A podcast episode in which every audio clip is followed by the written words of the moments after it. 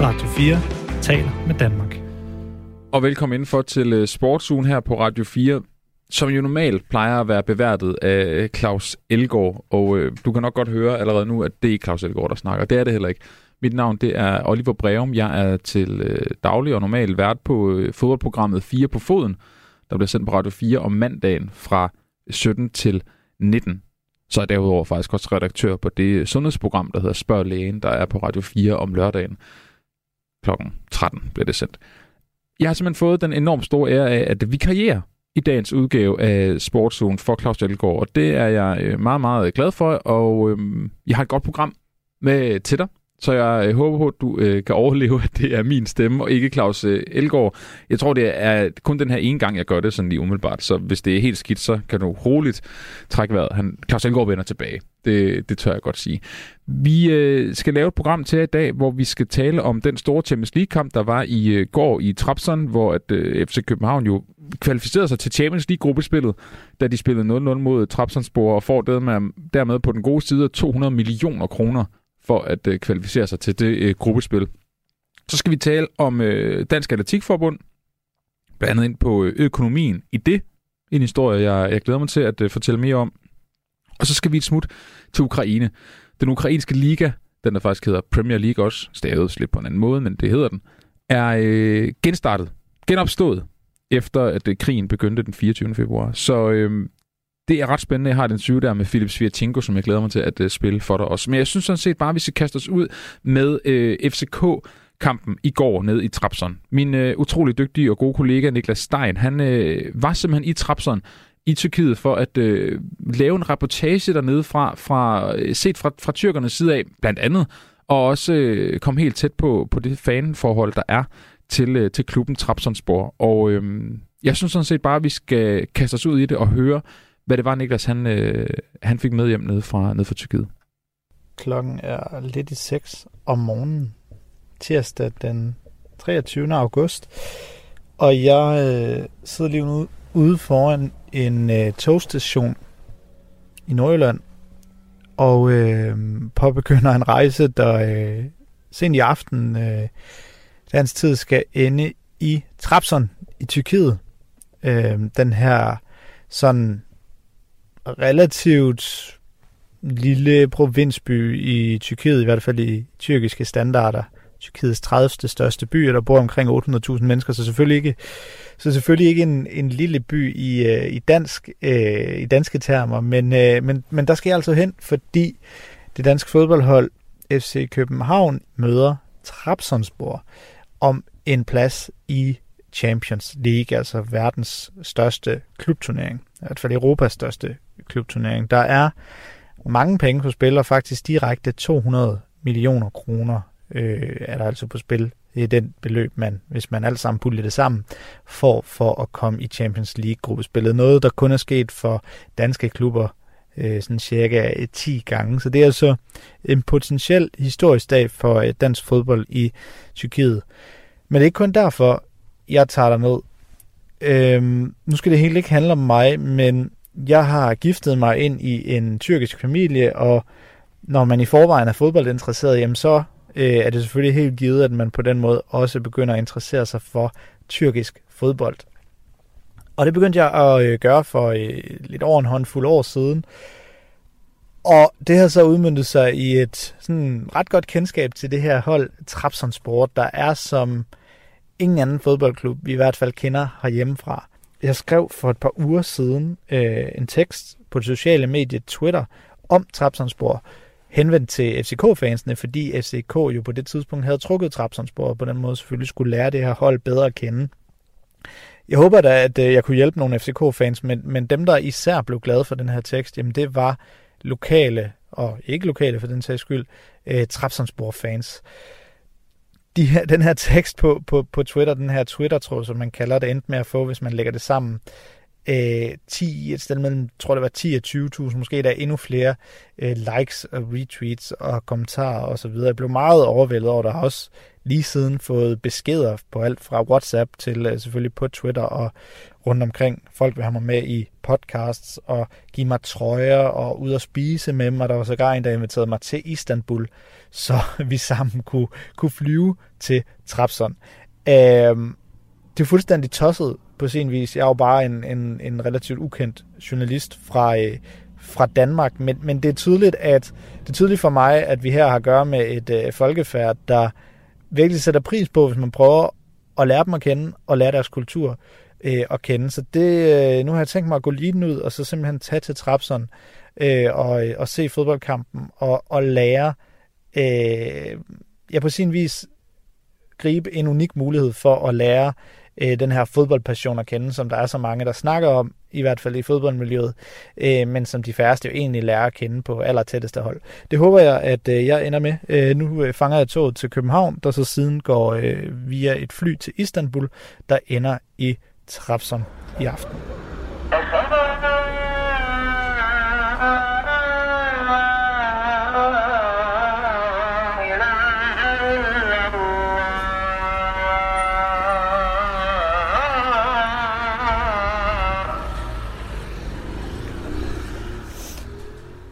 Så er jeg velankommet til Trabzon i det nordlige Tyrkiet. Klokken er vel lidt over øh, ja, halv ni, ser siger vi her, lokal tid. Og jeg har stødt lige ud af lufthavnen og ind i en meget varm og fugtig aften her i, øh, i, øh, i et Trabzon, der, hvor, øh, hvor mørket allerede har øh, lagt sig på. Byen er øh, så småt ved at øh, gå i seng, men de har også en stor dag øh, foran sig i morgen. Godmorgen. Godmorgen fra Trapson, eller Gneiden, som man siger herover. Det er øh, om morgenen øh, onsdag den 24. Øh, august, det vil sige det i aften, at øh, FC København de møder Trapsonsborg om en plads i Champions League. Øh, det er ret tydeligt, at øh, klubben hernede, den fylder rigtig meget i, øh, i, i bybilledet. Jeg skal bare ud af mit hotel, og så lige gå en til 20 meter til højre, så ser jeg allerede de første butiksfacader, hvor der hænger et Trabzonspor logo, eller øh, flag, der hænger ned fra vinduet, sågar et flag, der er blevet hængt op, og så siden viklet ind i en øh, lygtepæl og, øh, og en øh, el-ledning, der hænger herop øh, over vejen her øh, i det centrale Trabzon. Så det er en klub, der, der fylder enormt meget. Den gør det selvfølgelig også i, i morgens aviser, som jeg lige har været henne ved min lokale øh, bladforhandler og, øh, og hente her der får man øh, godt og vel, øh, hvad har jeg her, en seks aviser til det, der svarer til øh, 10 danske kroner. Det skal også siges, at inflationen øh, er øh, stukket af. Det har ikke helt sat sig på avispriserne, men liren har jo ikke det er alt for godt og har ikke haft det i øh, lang tid, så du kommer ret langt med danske kroner hernede. Jeg har blandt andet købt øh, de to øh, største tabloide øh, sportsmedier i Tyrkiet. Den ene hedder Fantik, og den anden hedder Fotomatch. Og øh, det er selvfølgelig kampen i aften, der øh, har fået lov til at fylde hele forsiden, selvom øh, vi selvfølgelig har at gøre med to aviser, der øh, til daglig øh, mest øh, centrerer sig om de tre store Istanbul-giganter. Men i aften, der er det altså øh, Trabzonspor, som skal forsøge at gøre ære af Tyrkiet. Det er jo sådan, at, det er jo sådan, at Tyrkiet i, i mange år har haft en direkte øh, kvalifikationsplads til Champions League, det vil sige den tyrkiske mester har øh, været automatisk kvalificeret til Champions League de foregående år. Nogle år har de sågar også haft en kvalifikationsplads til øh, nummer to. Men øh, Tyrkiet har gjort, og de tyrkiske klubber har gjort det så dårligt i øh, de europæiske ligaer, at de altså rastlet raslet ned i de her koefficientpoint, og i år for første gang i lang tid har de altså ikke en direkte øh, kvalifikationsplads, og det er derfor, de skal møde øh, FC København i aften, Trabzonspor, øh, selvom de altså er tyrkiske mestre. Og på den måde er der altså øh, selvfølgelig som altid, når et dansk hold står i øh, den sidste Champions League kvalifikationskamp, øh, rigtig meget på spil, men det er der i den grad, det er der selvfølgelig for FC København, men det er der i den grad også for Trabzonspor. De har hele Tyrkiet på øh, sine skuldre, og på sin vis rigtig meget af tyrkisk fodbold på sine skuldre i aften, og det ville, ja hvis ikke en katastrofe, så i hvert fald være en enormt stor skuffelse, hvis øh, Tyrkiet de, øh, skal se frem mod ikke at have et hold i øh, gruppespillet ved årets Champions League. Det er selvfølgelig noget, der betyder enormt meget for, for selvforståelsen, at Tyrkiet de kan blande sig med de store. Det det, de, det er de meget stolte af, når de kan. Så nu hedder den altså lige øh, tyrkiske aviser i bund, og så begiver jeg mig ned til øh, det mest centrale af det centrale trapsum og ser, hvor meget den her fodboldkamp egentlig, egentlig fylder i sådan en middelstor tyrkisk øh, provinsby. Jeg er på vej ned i øh, det centrale Trabzon, ned til Trapson Pladsen, Trabzon Maidan, som, øh, som det kaldes. Og jeg har lige øh, gjort stop hernede ved øh, en strand, det vil sige helt nede ved Sortehavet. Det her store hav, som Trabzon ligger helt ned til, og som ligger langs kysten til det meste af det nordlige Tyrkiet. Og som især et Trabzon bruger som en del af, af, af byens identitet. Det er jo et hav, som, som Tyrkiet deler med øh, blandt andet Rusland og Ukraine, og også et hav, som har haft en ret, øh, en ret central plads i den her krig i Ukraine. Og det er jo faktisk, jeg sidder her og snakker den 24. august, det vil sige, det er præcis et halvt år siden, at øh, Rusland invaderede øh, Ukraine og startede krigen. Og øh, siden da, eller i det meste af den periode, har Ukraine jo ikke kunne øh, sende skibe ud med, med hvede og med korn. Øh, og det er jo sådan, at, at Ukraine er jo en stor øh, eksportør af øh, korn, og det har de altså ikke kunne gøre imellem krigen, men det er ikke mere end nogle uger siden, at øh, Ukraine og Rusland endelig underskrev en aftale, der gjorde, at Ukraine igen kunne sejle øh, skibe ud med, med korn. Og jeg spillede Tyrkiet faktisk en øh, ret væsentlig rolle i, at det her kunne, øh, kunne lade sig gøre. Så skibene er så småt igen begyndt at stævne ud fra øh, de sydlige havne i Ukraine, ud i det sorte hav, som jeg så sidder og kigger på øh, lige nu.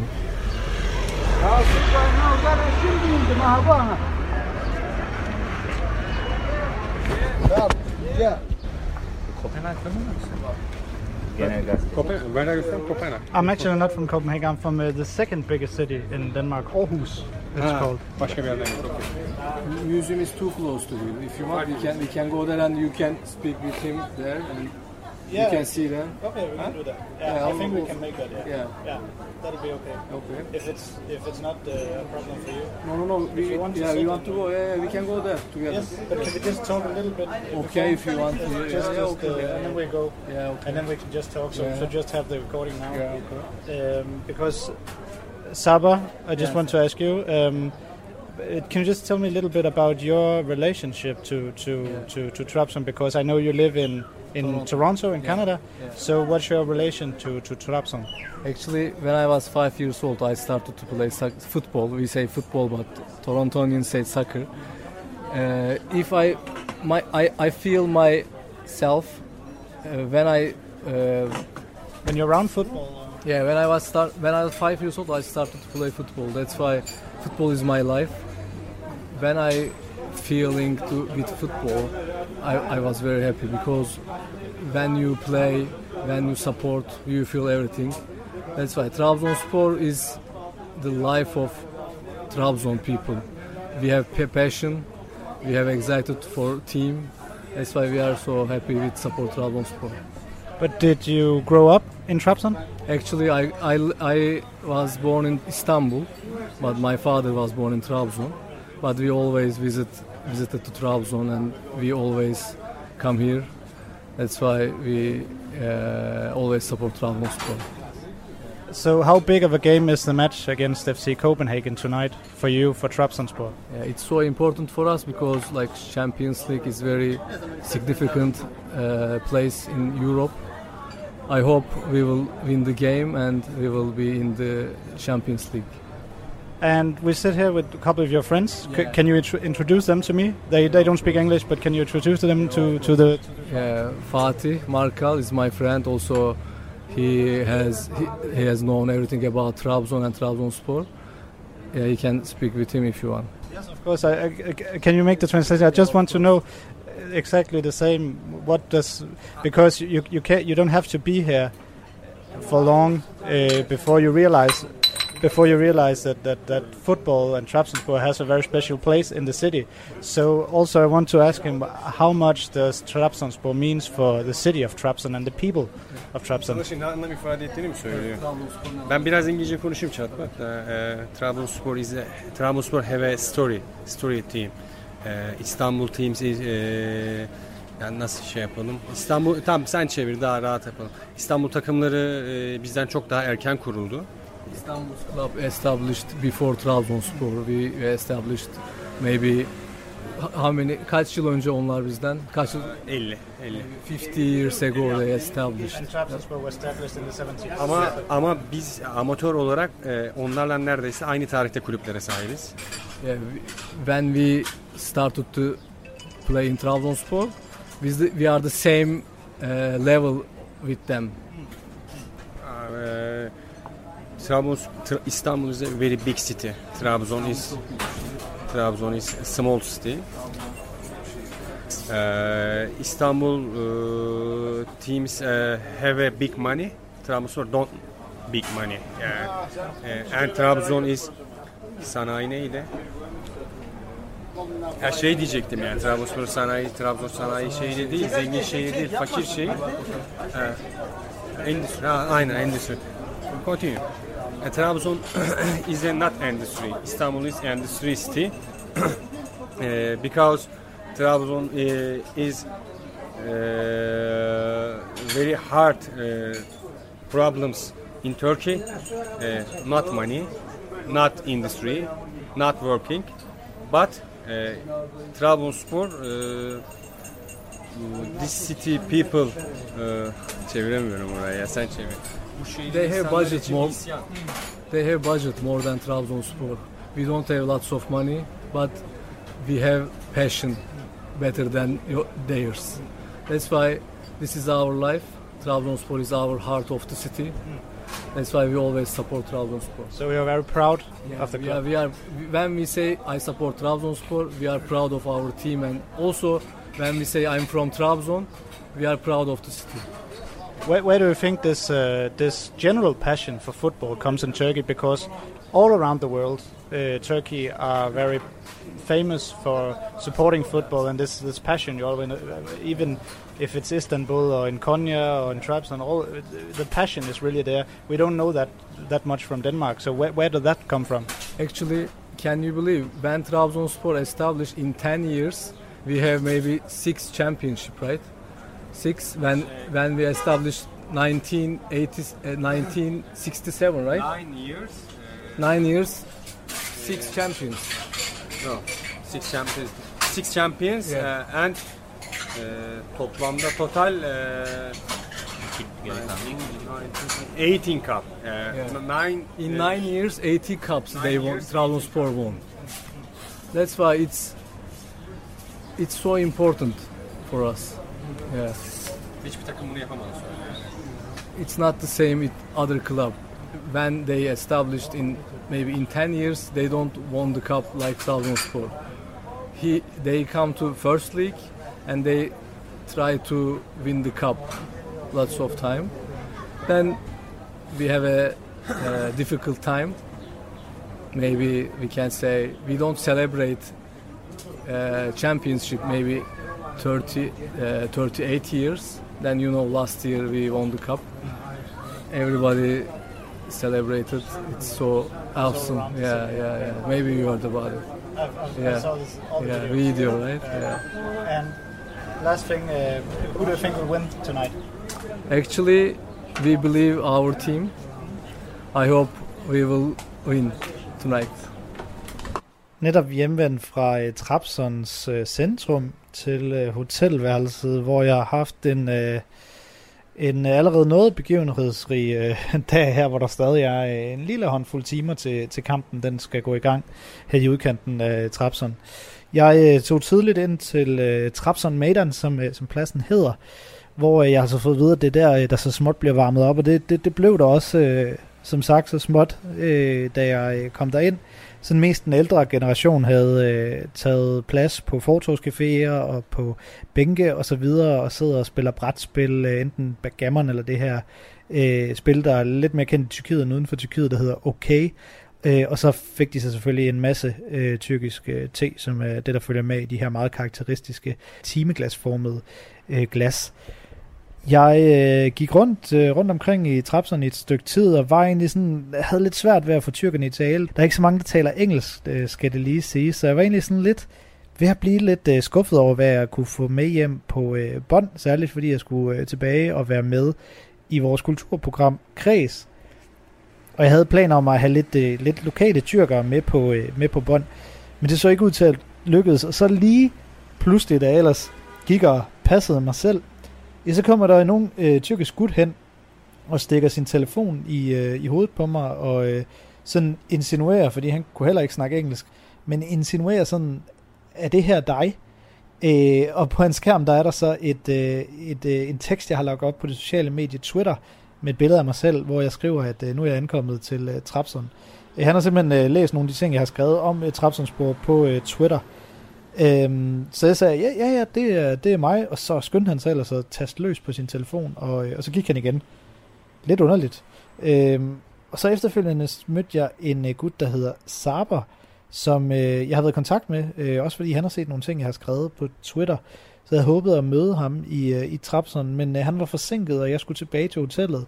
Så det var, jeg troede, så jeg troede ikke, vi øh, kunne nå at mødes alligevel, hvilket jeg ærede mig rigtig meget om. Men så dukkede han op i øh, sidste øjeblik, og så tog det ellers fart. Øh, der var et par øh, Sabers venner, og det skal lige sige, Sabers han kom selv fra øh, Toronto i Canada, hvor han bor til daglig, men han kommer altså, eller har rødder i, øh, i Trapson. Øh, men vi satte os ned og øh, fik netop en øh, kop chai, altså en kop øh, tyrkisk te, og øh, så øh, stødte et par af hans venner til, og så tog øh, den ene ting øh, den anden, og de spurgte, om jeg ikke øh, ville med ind øh, og møde flere af deres øh, venner eller omgangskreds. Og øh, nu når jeg lige var på vej, skulle jeg da også lige ind og se øh, Trapsonsborgs museum. Og øh, jeg havde ellers en aftale om at komme hjem og, og være i, i radioen, men, men, men det var jo det her, jeg var på udkig efter, så det, øh, det, det sagde jeg, det, selvfølgelig kan vi nå det. Så, så de her gutter, de tog mig med ind på uh, Trapsonsborgs museum og viste mig pokaler og hvordan øh, Trapsonsborgs trøjer før i tiden så ud og fortalte mig om Trapsonsborgs øh, historie meget, meget øh, indlevende. Det var, det var tydeligt for enhver, at her, øh, her der, der havde de virkelig mulighed for at udbrede kendskabet til den her deres elskede fodboldklub til, til nogen udefra. Det, den skulle de i hvert fald gribe. Derefter så tog vi op til, øh, til, til en café, hvor øh, mange af Trapsonsborg-fansene, de samles for at se øh, Trapsonsborgs kampe øh, til sådan storskærms-events. Øh, og øh, ved den her café, der stødte endnu, endnu flere til, så til sidst endte vi med at sidde en 8-10 folk øh, og snakke fodbold. Eller det vil sige, vi sad mig, der ikke kan... Øh, ja, et kvæk tyrkisk kan jeg godt, men så heller ikke meget mere. Og så øh, en 8-9 andre øh, tyrker, og øh, snakken den gik på mest tyrkisk, lidt halkebrugt engelsk, og så... Øh, og så ellers ikke øh, så meget andet. Og da vi satte os ned ved, ved det her bord, øh, der, var, der var flere lokale, der, øh, der stemte til så var der sågar også en, der spurgte mig, er det ikke dig fra YouTube? Øh, for han har simpelthen set mig være med i en uh, tyrkisk uh, fan-podcast om den her uh, kamp. Yemek yedin mi? Beraber gidelim. Şu anda Tamam. Sen bakarsın. Oturalım öyle o zaman aslında. Ne var ne? İyi kardeşim. Valla. You have time, right? Yes, I have time. Yeah, yeah. Yes, absolutely. Men jeg fik der noget ud af at lære det, hvor meget, eller lærte i hvert fald noget om, hvor meget tyrkisk fodbold det egentlig betyder for, øh, for, for tyrkerne. For når jeg spørger nogle af de her tyrker, hvad, hvad er det med den her passion? Hvad, hvad, hvorfor går I så meget op i, i fodbold, og hvorfor er det blevet sådan en kliché, at tyrkisk fodbold og passion, det er bare fuldstændig udadskilleligt? Jamen så svaret fra dem, at øh, jamen, øh, fodbold er vores liv, og i det her tilfælde Trapsonsborg er folkene i Trapsons liv, og det kan jo lyde sådan relativt banalt, måske en anelse ukonkret, men når man sidder og snakker med dem, og, og, og virkelig sidder og deler en eftermiddag med dem, jamen så, så, så får man følelsen af, at det simpelthen er rigtigt. Og det er nok også noget af det, vi kommer til at se i, øh, i aften øh, i, øh, i, i udkanten af Trapson, hvor kampen mellem FC København og Trapsonsporten så skal, skal spilles, fordi det bliver en, øh, det bliver en voldsom atmosfære, som øh, FC Københavnerne de kommer til at, øh, at stå over for. Tak for det fine indblik af Niklas Stein i tyrkisk øh, fodbold. Man kan næsten kun få lidt ondt af Trabzonspor-fansene, når de så røg ud til FC København i går, selvom jeg nu synes, det var godt for, for dansk fodbold, at, øh, at de blev slået ud, som de jo altså gjorde i aftes, da de spillede 0-0 nede i Trabzon. Nu skal vi videre til at tale om øh, atletik. For et øh, lille års tid siden, så var omtalen øh, af Danske Atletikforbund oftest relateret til de økonomiske udfordringer, der er forbundet med det. I slutningen af 2021 der stod det så galt til, at daværende bestyrelsesformand Bent Jensen måtte erklære, at hvis forbundet var en virksomhed, jamen så var de simpelthen lukket. Hvorefter han så appellerede til, at klubber, løbsarrangører osv. de gav en hånd med for at redde økonomien i dansk atletik. Og siden så er Bent Jensen og den daværende bestyrelse trådt tilbage, mens en ny er kommet til i løbet af sommeren. Rent sportsligt har atleterne præsteret øh, godt. Senest ved det netop overstået EM i øh, München, hvor de 28 atleter deltog, og sprinteren Ida Karstoft sikrede en øh, dansk bronzemedalje på 200 meter distancen. Men hvordan ser økonomien og fremtiden ud i dansk atletik? Jamen det har min kollega Mads Karenkevich talt med den nye bestyrelsesformand Christina Snor om. Jamen, velkommen til, Christina Snor, bestyrelseskvinde hos Dansk Atletik. Tak. Christina, først og fremmest, EM i atletik er lige afsluttet, og, og her præsterede Danmark jo et godt samlet resultat. Det blev øh, blandt andet til en bronzemedalje til Ida Karstoft på 200 meter. Øhm, så mit første spørgsmål til dig, det er, hvad betyder de gode resultater for dansk atletik? De gode resultater for dansk atletik er jo alfa og omega. Det er øh, flagskibet, det er forbillederne, det er rollemodellerne, ikke? Øhm, jeg tror, at alle store sportsstjerner har en eller anden historie om, de sad og så Carl Lewis eller øh, Michael Laudrup, eller hvem det nu var, ikke tilbage i 80'erne. Men på samme måde er det jo en kæmpe inspiration for os alle sammen. Så det er jo vores ultimative udøvere, og det er jo super dejligt, når de så tager metal med hjem til Danmark, som er så historisk højdepunkt for vores øh, atletik. Var det det resultater, man havde forventet? Ja, man laver jo en slags forventning, hvor du siger, at det du er udtaget på, øh, det du er seedet til, kan man sige, det vil man jo gerne, det er jo ret nemt at måle over eller under det. Og øh, i, i forhold til det, jeg har ikke selv siddet og lavet den konkrete evaluering for alle, men over hele linjen, så er der nogen, der har leveret under, og så er der nogen, der har leveret over. Og, og i sådan generelle termer havde vi flere finalepladser, og vi havde overpræstationer. Så, øh, og så når man slutter stævnet af med en, altså, en, en medalje fredag aften, en finaleplads og en tid under 13 sekunder, som bare for tre måneder siden aldrig var sket i Danmark før, så er det svært ikke at tage fra EM uden at være opløftet som atletik udøver. Og det, det lyder jo alt sammen godt, øh, men de gode sprog, det tager vi lige igen. Ja. Øh, det lyder jo godt alt sammen, men øh, de gode sportslige resultater er jo én ting. De andre øh, aspekter, det kunne være de økonomiske, det er jo faktisk de årsager, du er med i dag. Øh, for for bare et, et lille års tid siden fik øh, dansk atletik øh, en del omtale i danske medier, da din tidligere, altså din forgænger Ben Jensen, appellerede til, at alle klubber og løbsarrangører gav en hånd med for at redde økonomien i dansk atletik. Øhm, så kan du ikke lige til at starte med her også give vores lytter en status på øh, den økonomiske situation øh, i DAF i dag? Jo, den økonomiske situation er, øhm, den er ikke god eller dårlig. Den ligger rimelig meget på et nul, altså et nul-resultat i år. Når vi kigger på, på det øh, budget, der står for nu, og de indtægter og udgifter, vi forventer at have, så ligner det ret meget et nul lige nu. Og, og det skal ikke gøre mig til dommer om, at godt eller skidt. Det er jo bedre end et bravende underskud. Det er dårligere end et, øh, et driftsoverskud på en million, hvis man gerne vil have det. Hvis pludselig vi bliver ramt af corona, så vil vi gerne lade være med at afskede. Så det er jo sådan noget, der er elastik i metermål. Altså, øhm, er det godt eller skidt i dansk, eller i dansk atletiks økonomi? Hvis du spørger mig, vil jeg sige, at det er positivt og nu henviser du til for et år siden, og det er kun min forgænger, der ved, hvorfor han stod og talte om øh, konkurs og, og økonomisk krise. Ja, så, det, så altså man kan sige, at man deler ikke samme øh, analyse nødvendigvis øh, hos jer. Altså hvis, hvis du havde stået der for et år siden, så ville du måske ikke have brugt samme, samme ord. På ingen måde havde jeg gjort det. Nej, okay. Det er jo interessant. Øh, videre fra det, så kan man sige, er det fortsat klubberne og løbsarrangørerne, øh, der skal hjælpe DAF, eller hvordan tjener øh, forbundet sine penge? Altså Dansk Atletik tjener sine penge ved to, kan man sige, hovedsponsorer lige nu, ikke? og det er jo Danmarks Idrætsforbund, der støtter hele Dansk Atletik, sådan grund, alt hvad vi laver. Det bliver sponsoreret, hvis man kan kalde det sådan, af Danmarks Idrætsforbund. Og den anden halvdel, det er jo vores elitedel, hvor at Team Danmarks øh, bidrag, så at sige, udgør en stor andel. Sådan er økonomien stort set skruet sammen sådan i grund, grundtilskud, kan man kalde det, i rigtig mange specialforbund, inklusive vores. Men altså, hvordan vil I fremadrettet hos øh, Dansk Atletik prioritere jeres økonomiske støtte? Altså, vil det være bredt til foreninger, eller vil I have for, fortsat fokus på elitearbejdet? Øh, for mig er det ikke enten eller, fordi det er både over. Fordi det er faktisk to opdelte økonomier, så at sige. Vi kan ikke øh, sige, at eliten betaler for bredden, eller bredden betaler for eliten, eller at man kan lukke ned for det ene eller det andet. Vi har en Team Danmark-satsning, vi har noget Team Danmark-samarbejde, som faktisk ligger en lille smule separat.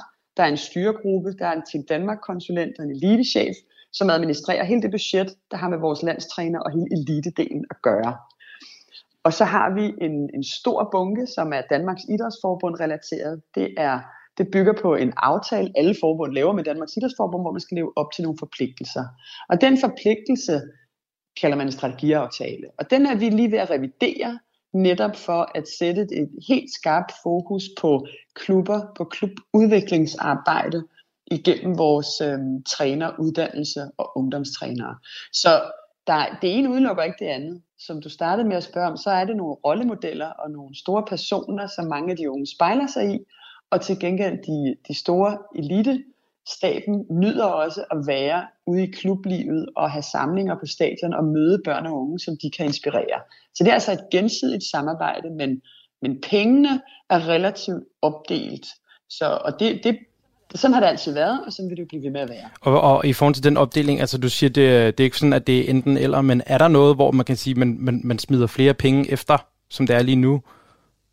Altså, øh, igen samme spørgsmål, men så ikke det her med, at det er så opdelt, men altså, sætter man stadig flere penge efter det der elitearbejde i forhold til en, de lokale foreninger? Altså er der et fokus, der alligevel er større på, øh, på det ene eller det andet? Ja, den bevidste satsning, som den nyvalgte bestyrelse gerne vil, det er at gå i retning af at øh, sikre den her fødekæde i bredere udstrækning. Der er stor enighed, det fortæller vores landstræner også om. Der er ikke så mange unge talenter på vej. Så det vil sige, det gør, at vi har et højdepunkt nu, som er baseret på en form for satsning, man lavede for 5-10 år siden. Og der har været et, øh, en nedgang i den satsning, og det er det, som, som vi gerne vil arbejde hen imod og opprioritere. Og det vil sige, når du spørger på den måde, ja, vi kommer faktisk til at kanalisere nogle af de ressourcer på vores Danmarks Idrætsforbunds satsning. Altså noget af det elitearbejde, der trods alt ligger lidt, det kommer vi til at kanalisere over mod klubudvikling, gode klubber, velfungerende klubber, de har gode trænere. Gode trænere, de er uddannede, og de har tid og overskud. Og det er sådan set udgangspunktet for det arbejde, vi sætter i gang øh, fra den nye bestyrelse. Det er et fokus, vi synes har manglet. Sådan lød det altså fra øh, DAF, Dansk Atletikforbund. Nu skal vi videre til historien om øh, tyrkisk fodbold, der er blevet genoptaget i den her uge. Nu skal vi tale om, at øh, fodbolden er tilbage i Ukraine. Det er øh, lidt specielt. Tirsdag, der begyndte fodboldsæsonen i Ukraine, som øh, siden Ruslands invasion har sat øh, sporten på pause i landet. Det er ikke kun øh, stort for sporten, at fodbold nu kan vende tilbage, det mener landets øh, fodboldpræsident. Sådan, har, sådan en har de simpelthen. Øh, Andrej Pavlenko, øh, Pavlenko hedder han. Han udtalte således til The Guardian, at det her er et stort skridt i forhold til at højne moralen hos de civile og militæret, for at minde dem om, at de har en fremtid. Og til at give os en, en bedre forståelse for betydningen af fodbolden i, i det krigshavede land Ukraine, så øh, kan jeg nu byde velkommen til dig, Philip Siertenko. Tusind tak. Du har igennem øh, 10 år fuldt konflikten i Ukraine, og så har du øvrigt også, øh, både du er født der, du har boet der, du har arbejdet der osv., for blandt andet øh, UEFA og det danske landshold. Øhm, Philip, først så vil jeg godt lige starte. Hvilken betydning har det for det ukrainske folk, at nu vender øh, fodbolden og den nationale liga tilbage? Jamen, jeg tror ganske kort med et ord, der er det, at det er, en, at det er kolossalt. Det er kolossalt, og så derefter udfolder sig kolossalt jo så af betydning for, øhm, for ukrainerne. Mm. Jeg tror, vi selvfølgelig, som, som det er selv sagt, altså seks måneders udmattelseskrig med en russisk aggressor øh, fra 24. februar og så frem til nu, som har invaderet øh, Rusland, har jo selvfølgelig destabiliseret øh, hele samfundet. Øhm, og det, det, det der sociale lim, der skal til, øh, som øh, den, den øh, ukrainske fodboldlegende øh, Andrei Shevchenko også sagde, at øh, netop omtalte det i en række ukrainske medier, som jeg læste, er kaldt det nemlig en, en, en form for social sammenhængskraft lim. Og det er jo det, det kan i en tid, som der er så meget splittelse. På den ene side er der jo enighed om, at, øh, at man samler sig mod aggressoren i form af Rusland og prøver at undskyld udtrykket, at banke russerne ud af de ukrainske territorier. Mm.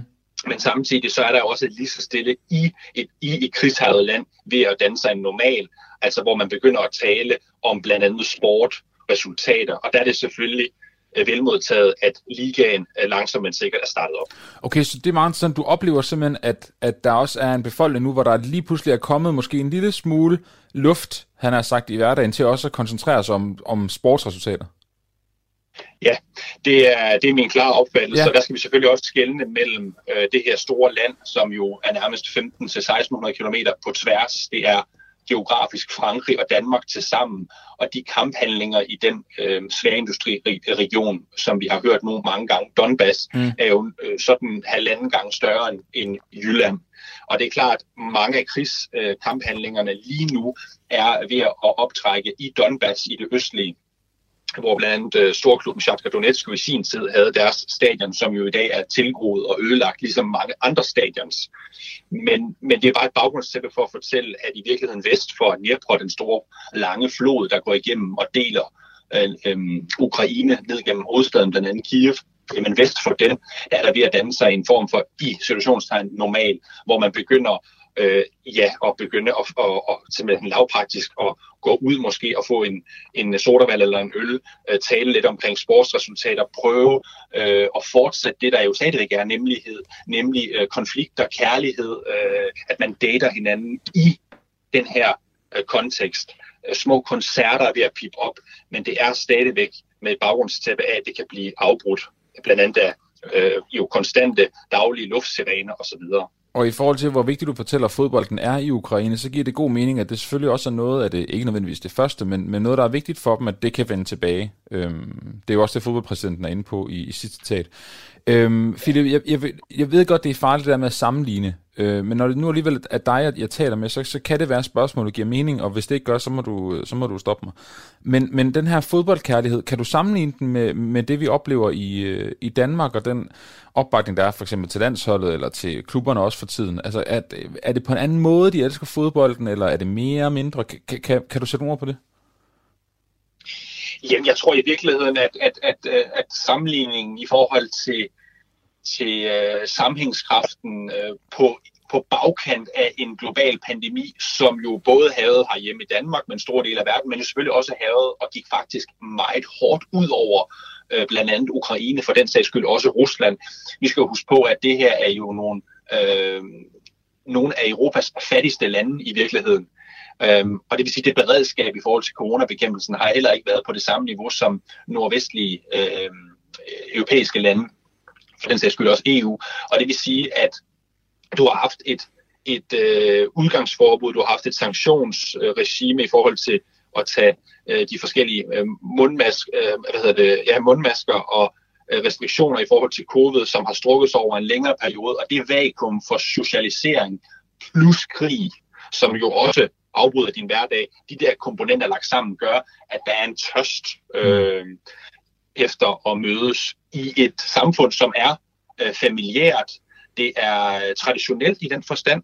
Mange ukrainer er meget familiærorienteret på traditioner, og der er øh, fodbolden og det at samles og varme op. For den sags skyld, som vi kender det også i England, hvor man har næsten altså et anskridt ja, flere timer inden kampen starter. Det kan du så ikke gøre på samme måde, al den stund der ikke er til at tilskuere i dag øh, i, de, i den nyopstartede ukrainske Premier League. Men, øh, men det er mit indtryk, øh, efter jeg har talt blandt andet med min bror, som jo befinder sig i Kiev, at man mødes der og får en sodavand eller en øl øh, socialt. Det kan være øh, i en lejlighed, og så får man jo øh, enten streamet kampen eller sætter sig sammen i små grupperinger.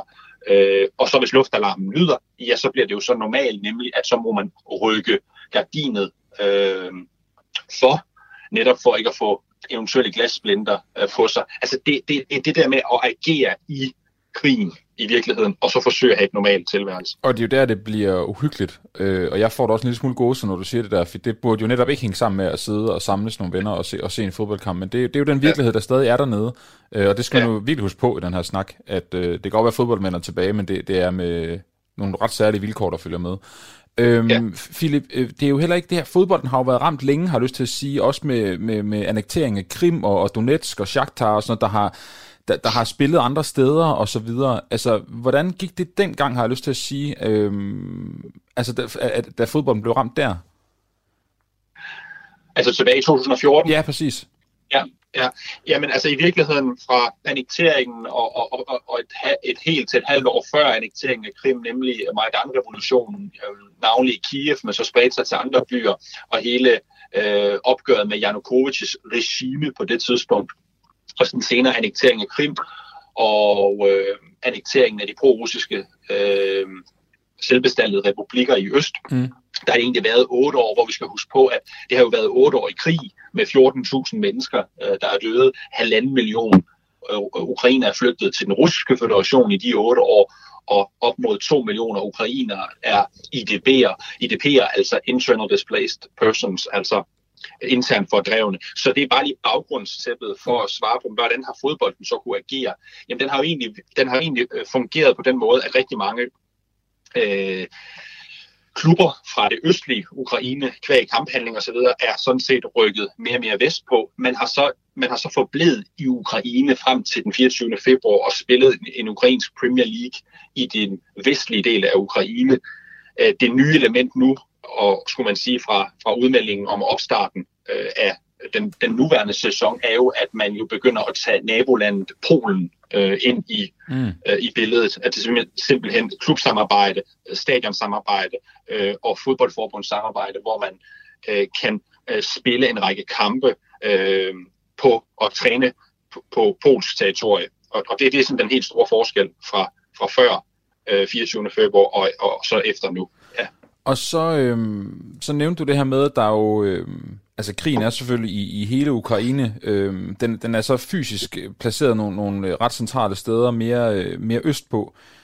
Jeg, jeg kan ikke lade med at tænke, øh, Philip, at, at når man så ser, at man vestpå og så også i, i Polen begynder at spille fodboldkampe igen, øhm, er der ikke en risiko for, at der er nogle ukrainere, der måske er øh, tilknyttet eller er i den østlige del, er i krig på den ene eller anden måde til daglig, der synes, at det er øh, dumt, altså at fokus er et andet sted. Altså jeg, jeg tænker bare, om, om der også er en risiko for, at det kan splitte landet, at man ser, at man vestpå nu begynder at koncentrere sig om at spille, ikke koncentrere sig om, du ved, hvad jeg mener. Der begynder at blive spillet fodboldkampe igen, mens der stadig er krig østpå. Altså kan det ikke skabe en splittelse? Jeg, jeg, jeg er tilbøjelig til at sige, at, at der vil jo altid være en, en, en, en en unavngiven procentdel, som vil, vil tilslutte sig det synspunkt, mm. øh, det med splittelsen. Men det er min klare opfattelse, øh, også hvad jeg ligesom har jagtet på de, fors- de forskellige sociale medier. Vi skal huske på, at det her er jo også en krig. Øh, jagttager og kommentatorer internationalt har jo kaldt det øh, nærmest den første TikTok-krig, øh, med reference til det sociale medie mm. TikTok. Altså det, at du i virkeligheden, du og jeg og andre, kan blive livestreamet ind på kamphandlingerne helt ude ved fronten.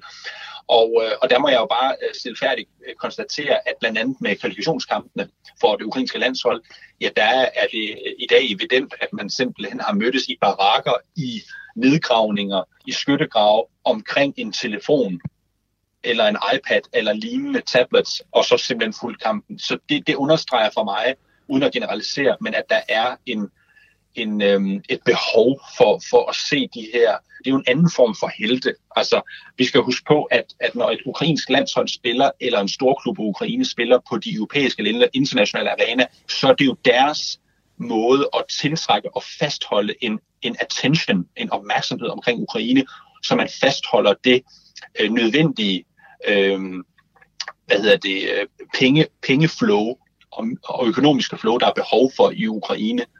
Og når jeg nævner det med her med fastholdet pengeflow, så er det selvfølgelig fordi, at det skyldes jo, at op mod halvdelen af Ukraines BNP her efter seks måneder er, er, er røget væk, altså halveret. Og det vil sige, at økonomi, økonomien i Ukraine er jo øh, på, på, øh, på et meget, meget, meget svagt øh, stadie.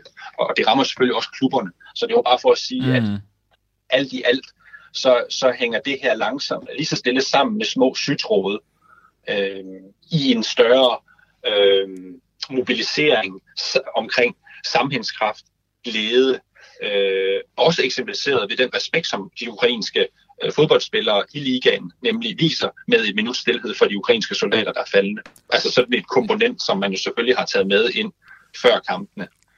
Og, øhm, ja, hvad siger du? Nej, nej det, det sidste jeg sådan set vil bare vil sige, det er, at på den lidt mere øh, fodbold-ukrainske øh, indrigspolitisk sportslige linje, øh, har jeg også iagtaget, at der selvfølgelig også er øh, en bevægelse af mange udlændinge, altså navnlig øh, brasilianere eller sydamerikanske spillere, som jo også øh, har bevæget sig tilbage øh, med, med, med, øh, med godkendelse fra det internationale fodboldforbund FIFA øh, og få ophævet deres kontrakter og kunne rejse ud, hvilket jo har givet plads for, for de såkaldte homegrown talents mm. i Ukraine, øh, hvilket jo også øh, er med til at, at, at give en eller anden form for stolthed, øh, få nogle unge talenter frem, få nogle bynavne på, få det koblet.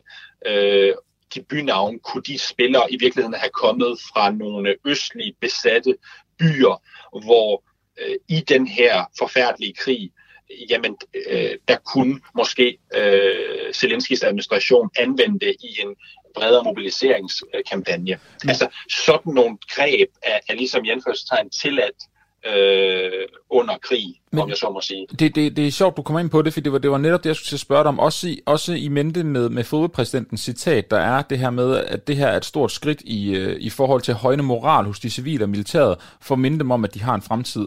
Det citat, og, og det du lige sagde, handler jo virkelig ikke om fodbold. Altså det, det, det handler om, om noget helt andet. Det lyder som, det handler om, ja. om en grundfølelse, noget, noget moral og noget, en energi hos befolkningen. Altså propaganda er jo et negativt lavet ord, men alligevel Øh, er det også den rolle, fodbolden går ind og, og, og spiller her i Ukraine?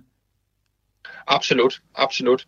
Den bliver brugt uh, indrigspolitisk og udenrigspolitisk, og, og vi skal huske på, at før, uh, før, uh, før invasionen 24. februar, der var opbakningen til præsident Zelensky jo på en 3-24 procent. Den er jo over 90 procent mm. i dag.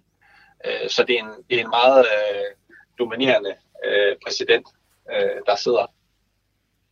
Og, men, det, men det er interessant det der med, at man kan bruge fodbolden til at, at også søge noget opbakning og, og, og, og vise befolkningen, øh, at det går den rigtige vej, men måske også omvendt kan bruge det til at højne moralen. Absolut, absolut.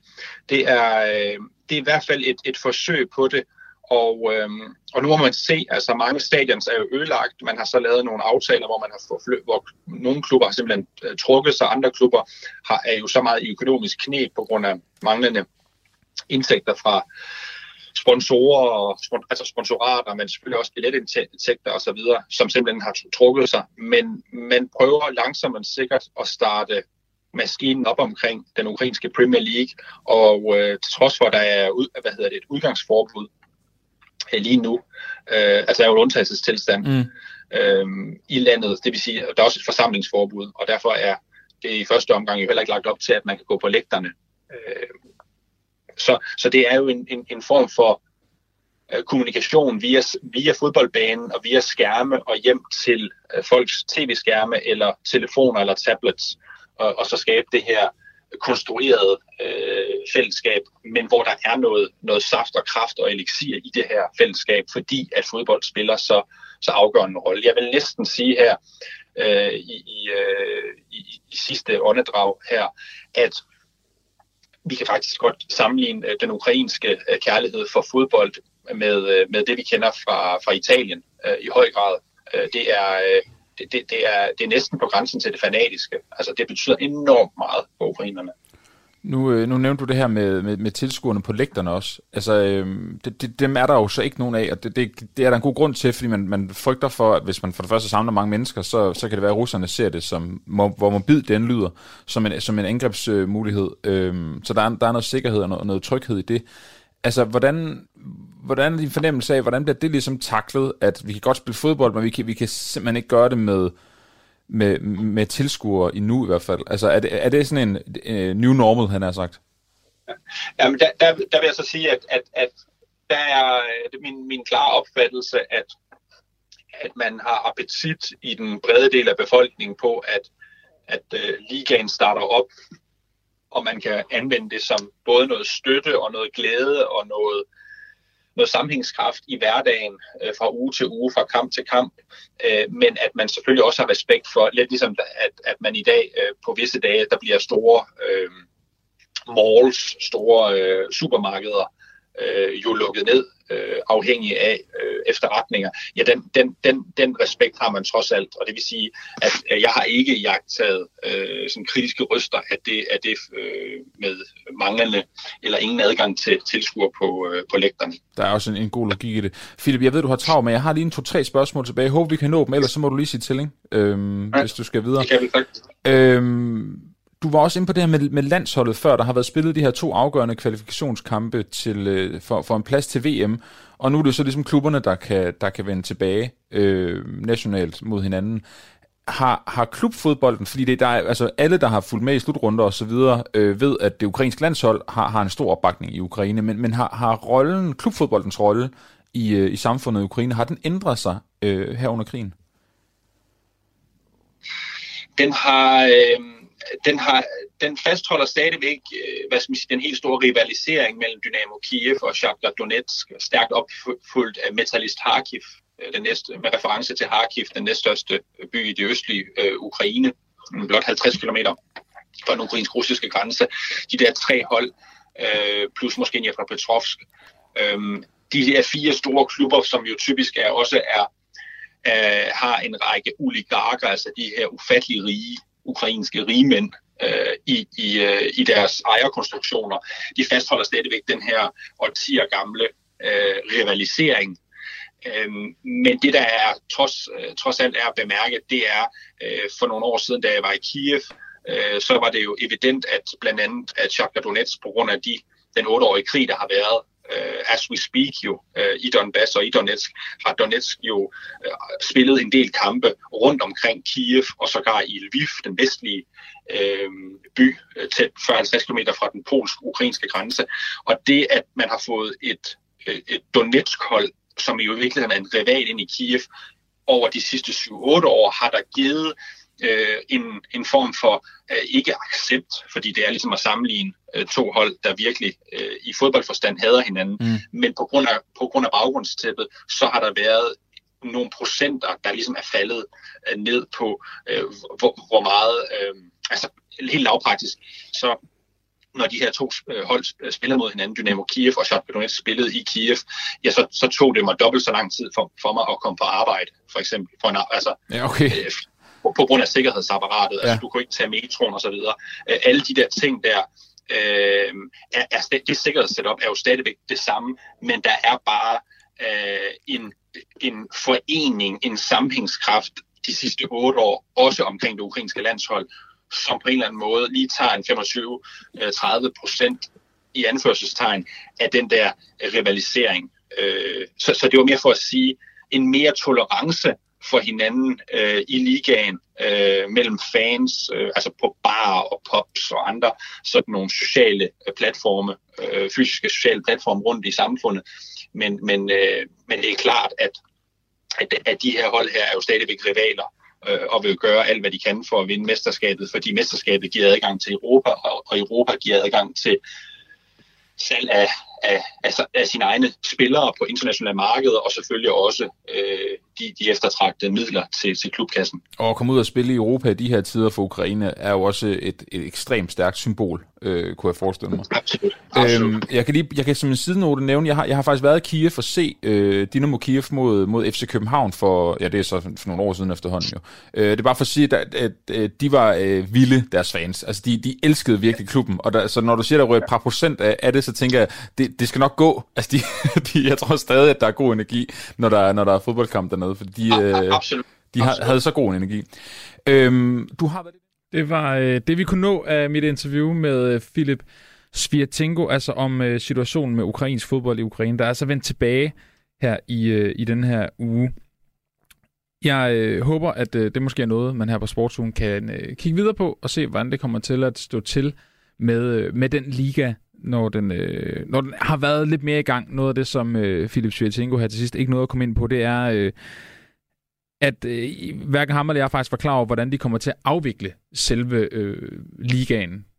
Også det i mente, at den ligesom blev afbrudt øh, sidste sæson, og man ligesom øh, skrotter det og, og kigger videre. Men øh, det kunne man jo kigge på, når man så kommer lidt længere ind i sæsonen, måske. Jeg øh, krydser i hvert fald fingre og håber for, at det bliver muligt, at, øh, at få spillet de her fodboldkampe, det lyder både på Philip og på den ukrainske stat, som om, at det er noget, der kan give en masse håb til det ukrainske folk, og måske også give øh, noget adspredelse. Vi skal huske på, at fodbold er underholdning, øh, i en vis grad i hvert fald, og øh, selv i de mørkeste situationer, så kan man have godt af at øh, have noget, hvor tankerne kan glide væk, og hvor man kan koncentrere sig om et, øh, et simpelt spil, som, som fodbold jo er i sidste ende, når bolden den først øh, triller. Tak for den øh, indsigt, øh, Philip Sjætjenko. Det var, det var skønt. Jeg vil sige øh, tak for denne gang, og tak fordi, at jeg lige måtte være din vikar her i øh, Sportsugen. Det har været en, øh, en fornøjelse at give dig et indblik i, øh, i både dansk atletik, i øh, Trabzonspor og ty- tyrkisk fodbold, og så her til sidst den tilbagevendte ukrainske liga. Mit navn det er Oliver Breum. Nu er det tid til øh, nyheder klokken